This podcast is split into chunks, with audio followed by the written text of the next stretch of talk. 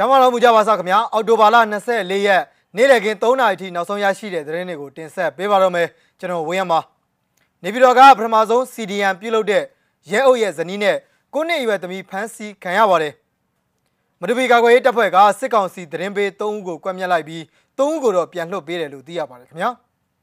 ပြည်သူ့လူမျိုးရေးတပ်မတော်ရဲ့တပ်လှုပ်ရှားမှုမှတ်တမ်းဓာတ်ပုံတွေကိုထုတ်ပြန်ထားပါတယ် လက်စစ်ဓာတ်အားအကျက်တဲ့ကြောင့်တရုတ်နိုင်ငံပြည်နယ်အချို့မှာလက်စစ်ဓာတ်အားတွေပြတ်တောက်နေတယ်ဆိုတဲ့သတင်းတွေနဲ့အတူဒီကနေ့နေ့လယ်ပိုင်း3နာရီထိနောက်ဆုံးရရှိတဲ့သတင်းတွေကိုတင်ဆက်ပေးမှာပါခင်ဗျာ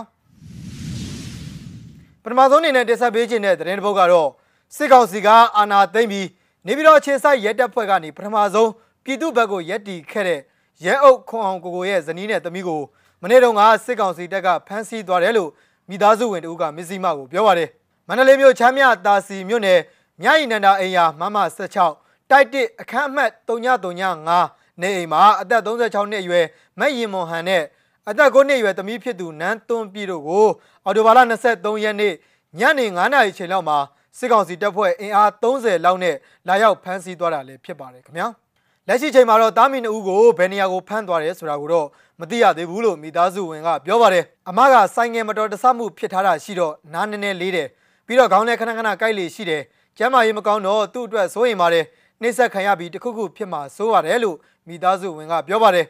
သမီးလေးဘေးကင်းဖို့ရဲ့အမဒုက္ခိတတအုပ်မို့အမြန်ဆုံးဘေးကင်းဖို့လုံခြုံဖို့ပဲအကူအညီပေးကြပါလို့သူကထပ်ပြီးတော့ပြောပါတယ်ခင်ဗျာရဲအုပ်ခွန်အောင်ကိုကိုကတော့ဖေဖော်ဝါရီလ9ရက်နေ့မှာနေပြီးတော့မူရစ်စေဝါတားဆီးနှိမ်နင်းရေးရဲတပ်ဖွဲ့ကနေပထမဆုံးစီရီယံပြုတ်လောက်လာသူဖြစ်ပြီးတော့စစ်ကောင်စီတပ်ရဲ့လိုက်လံဖမ်းဆီးမှုကနေတင်းရှောင်နေရသူတို့လည်းဖြစ်ပါတယ်ခင်ဗျာ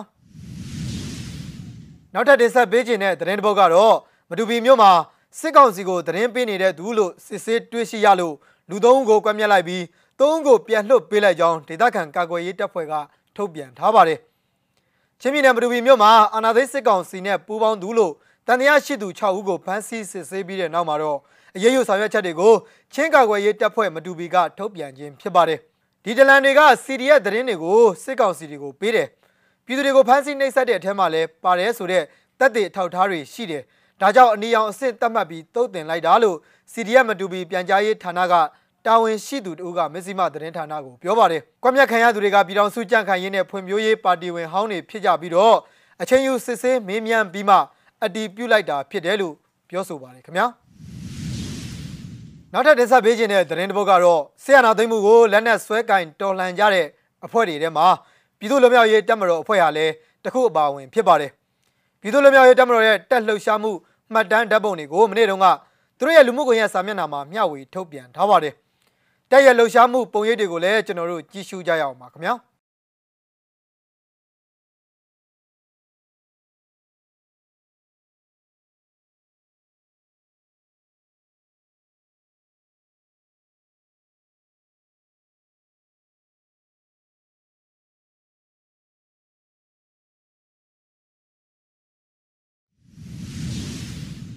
နောက်ထပ်တင်ဆက်ပေးခြင်းတဲ့သတင်းပုတ်ကတော့နိုင်ငံတကာသတင်းတွေဘက်မှာဆိုရင်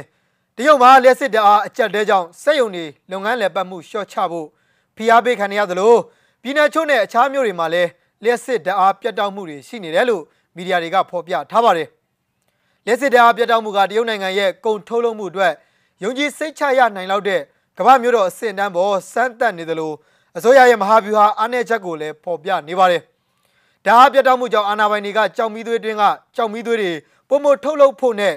ကြောက်မီးသွေးနဲ့ဓာတ်အားပုံမထုတ်လုပ်ဖို့အလင်းစလိုကြေညာခဲ့ရကြောင်း The New York Times သတင်းစာမှာဖော်ပြထားပါတယ်။စိတ်ဝင်စားစရာကောင်းတာကတော့ရာသီဥတုပြောင်းလဲမှုကိုဖြစ်စေတဲ့ကာဗွန်ဒိုင်အောက်ဆိုက်ဓာတ်ငွေထုတ်လုပ်မှုကိုထိန်းချုပ်ဖို့အရင်တော့ကဂရုပြုထားတဲ့အချက်တွေကြောင့်တရုတ်ဆိုရရဲ့ဆုံးဖြတ်ချက်ကိုစောင့်ကြည့်ခံရပါတယ်။ကြောင်မီသွေးထုတ်လုပ်မှုနဲ့ထောက်ပံ့ပေးမှုကိုတိုးမြင့်နိုင်အောင်အစွမ်းကုန်စ조사သွားမှာပါလို့တရုတ်ထိပ်တန်းစီးပွားရေးစီမံကိန်းအေဂျင်စီဖြစ်တဲ့ မြို့သားဖွံ့ဖြိုးတိုးတက်ရေးနဲ့ပြုပြင်ပြောင်းလဲရေးကော်မရှင်ရဲ့အထွေထွေတွင်းရေးမှူးကြောက်ချန်ချင်းကပြောပါတယ်။ကြောင်မီသွေးကိုဘလောက်တူးဖော်နိုင်နေဆိုတဲ့အပေါ်မူတည်ပြီးတော့တရုတ်ရဲ့လက်စစ်တအားပြတ်တောက်မှုကြောင့်လာမယ့်လတွေမှာခိုင်မာတဲ့စီးပွားရေးတိုးတက်မှုကိုပေးနိုင်မလားဆိုတဲ့မေးခွန်းထွက်ပေါ်လာတယ်လို့ NYT ကသတင်းဖော်ပြထားပါတယ်။ပြည်내32ခုအနက်20ခန့်မှာစွမ်းအင်ခွဲတန်းစနစ်ကိုအကောင့်နဲ့ပေါ်နေလို့ကမ္ဘာဒုတိယအကြီးဆုံးစီးပွားရေးတရုတ်နိုင်ငံရဲ့စက်မှုလုပ်ငန်းကဏ္ဍကအခက်ကြုံနေရပါတယ်။ COVID-19 ကြောင့်စီးပွားရေးပြန်လည်ကောင်းမွန်လာခြင်းတရုတ်စက်ရုံတွေကလက်စစ်တအားလိုအပ်ချက်ပြန်လည်မြင့်တက်လာတာဖြစ်ပြီးတော့အဲ့ဒီပြဿနာပေါ်ပေါက်ခဲ့တာလို့ကျွမ်းကျင်သူတွေကယုံကြည်နေကြပါတယ်။ဆောင်းရသည်နီးကပ်လာပြီဖြစ်လို့တရုတ်ဆိုရကစက်ယုံနေအနေနဲ့ကမ္ဘာဈေးကွက်အတွက်စက်မှုပစ္စည်းတွေဆက်လက်ထုတ်လုပ်နိုင်ရတဲ့အတွက်အချိန်ပြည့်လည်းပဲခွင့်ပြုမလားဆိုတာကိုဆုံးဖြတ်ရမှာဖြစ်ပါတယ်။ဒီကနေ့နေ့လယ်ပိုင်းရဲ့နောက်ဆုံးသတင်းပုတ်အနေနဲ့ရွှေဘိုမြို့နယ်တဲကဆီယနာရှင်စန့်ကျင်ဖြုတ်ချရေးတပိတ်စစ်ကြောင်းတစ်ခုကိုလည်းဖွင့်ပြပေးကြပါမယ်ခင်ဗျာ။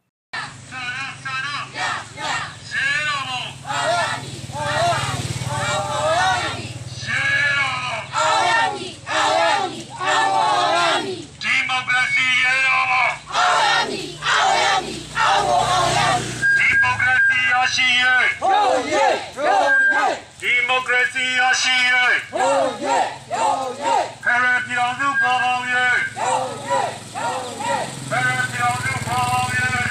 တိုင်းရနောတော်တွေ တိုက်ပွဲတိုင်းမှာနိုင်ပါစေ ဒီမိုကရေစီရရှိရေ ရိုးရဲရိုးရဲ ဒီမိုကရေစီရရှိရေ ရိုးရဲရိုးရဲ ဖရပြည်တော်စုပေါ်ပေါင်းရေ ရိုးရဲရိုးရဲ ဖရပြည်တော်စုပေါ်ပေါင်းရေ ရိုးရဲရိုးရဲ မတရားမှုမှန်သမျှ ဖတ်ကြရဖတ်ကြရ မတရားမှုမှန်သမျှ ဖတ်ကြရဖတ်ကြရ စစ် အာဏာရှင်ကြဆုံးရေးရိုးရဲရိုးရဲစစ်အာဏာရှင်ကြဆုံးရေးရိုးရဲရိုးရဲစစ်အာဏာရှင်ကြဆုံးရေးရိုးရဲရိုးရဲတို့ပြည်သူတွေညီရလားဟဲ့မိရဟဲ့မိရဟဲ့ တို့ပြည်သူတွေညီရလားဟဲ့ မိရဟဲ့မိရဟဲ့ တို့တွေညီရလားဟဲ့ မိရဟဲ့ ဘိုက်ဘိုက် မောက်မောက် ဘိုက်ဘိုက် မောက်မောက် ဆန္ဒဆန္ဒ ရရ ဆန္ဒဆန္ဒ ရရ ဆန္ဒဆန္ဒ ရရ ရေတော်ဘုံ အောင်ရမည်အောင်ရမည်အောင်ကိုအောင်ရမည် ရေတော်ဘုံ အောင်ရမည်အောင်ရမည်အောင်ကိုအောင်ရမည် ရေတော်ဘုံ အောင်ရမည်အောင်ရမည်အောင်ကိုအောင်ရမည် ဒီမိုကရေစီရေတော်ဘုံ အောင်ရမည်အောင်ရမည်အောင်ကိုအောင်ရမည် အော်တိုဘာလ24ရက်နေ့လည်ခင်း3နာရီထိနောက်ဆုံးရရှိခဲ့တဲ့သတင်းတွေကိုတင်ဆက်ပေးခဲ့တာပါမဇီမာကိုစောင့်မျှော်ကြည့်ရှုနားဆင်ကြတဲ့ပြည်သက်အပေါင်းနဲ့မြန်မာပြည်သူပြည်သားအပေါင်း COVID-19 ကပ်ရောဂါကကင်းဝေးကဆီယနာရှင်စနစ်ဆိုးလက်အောက်ကအမြန်ဆုံးလွတ်မြောက်ပါစေကြောင်းစွတ်မွန်ကောင်းတောင်းလိုက်ရပါတယ်ထူးခြားတဲ့သတင်းတွေနဲ့အတူကျွန်တော်တို့မကြခင်မှာပြန်လည်ဆုံတွေ့ကြပါမယ်ခင်ဗျာ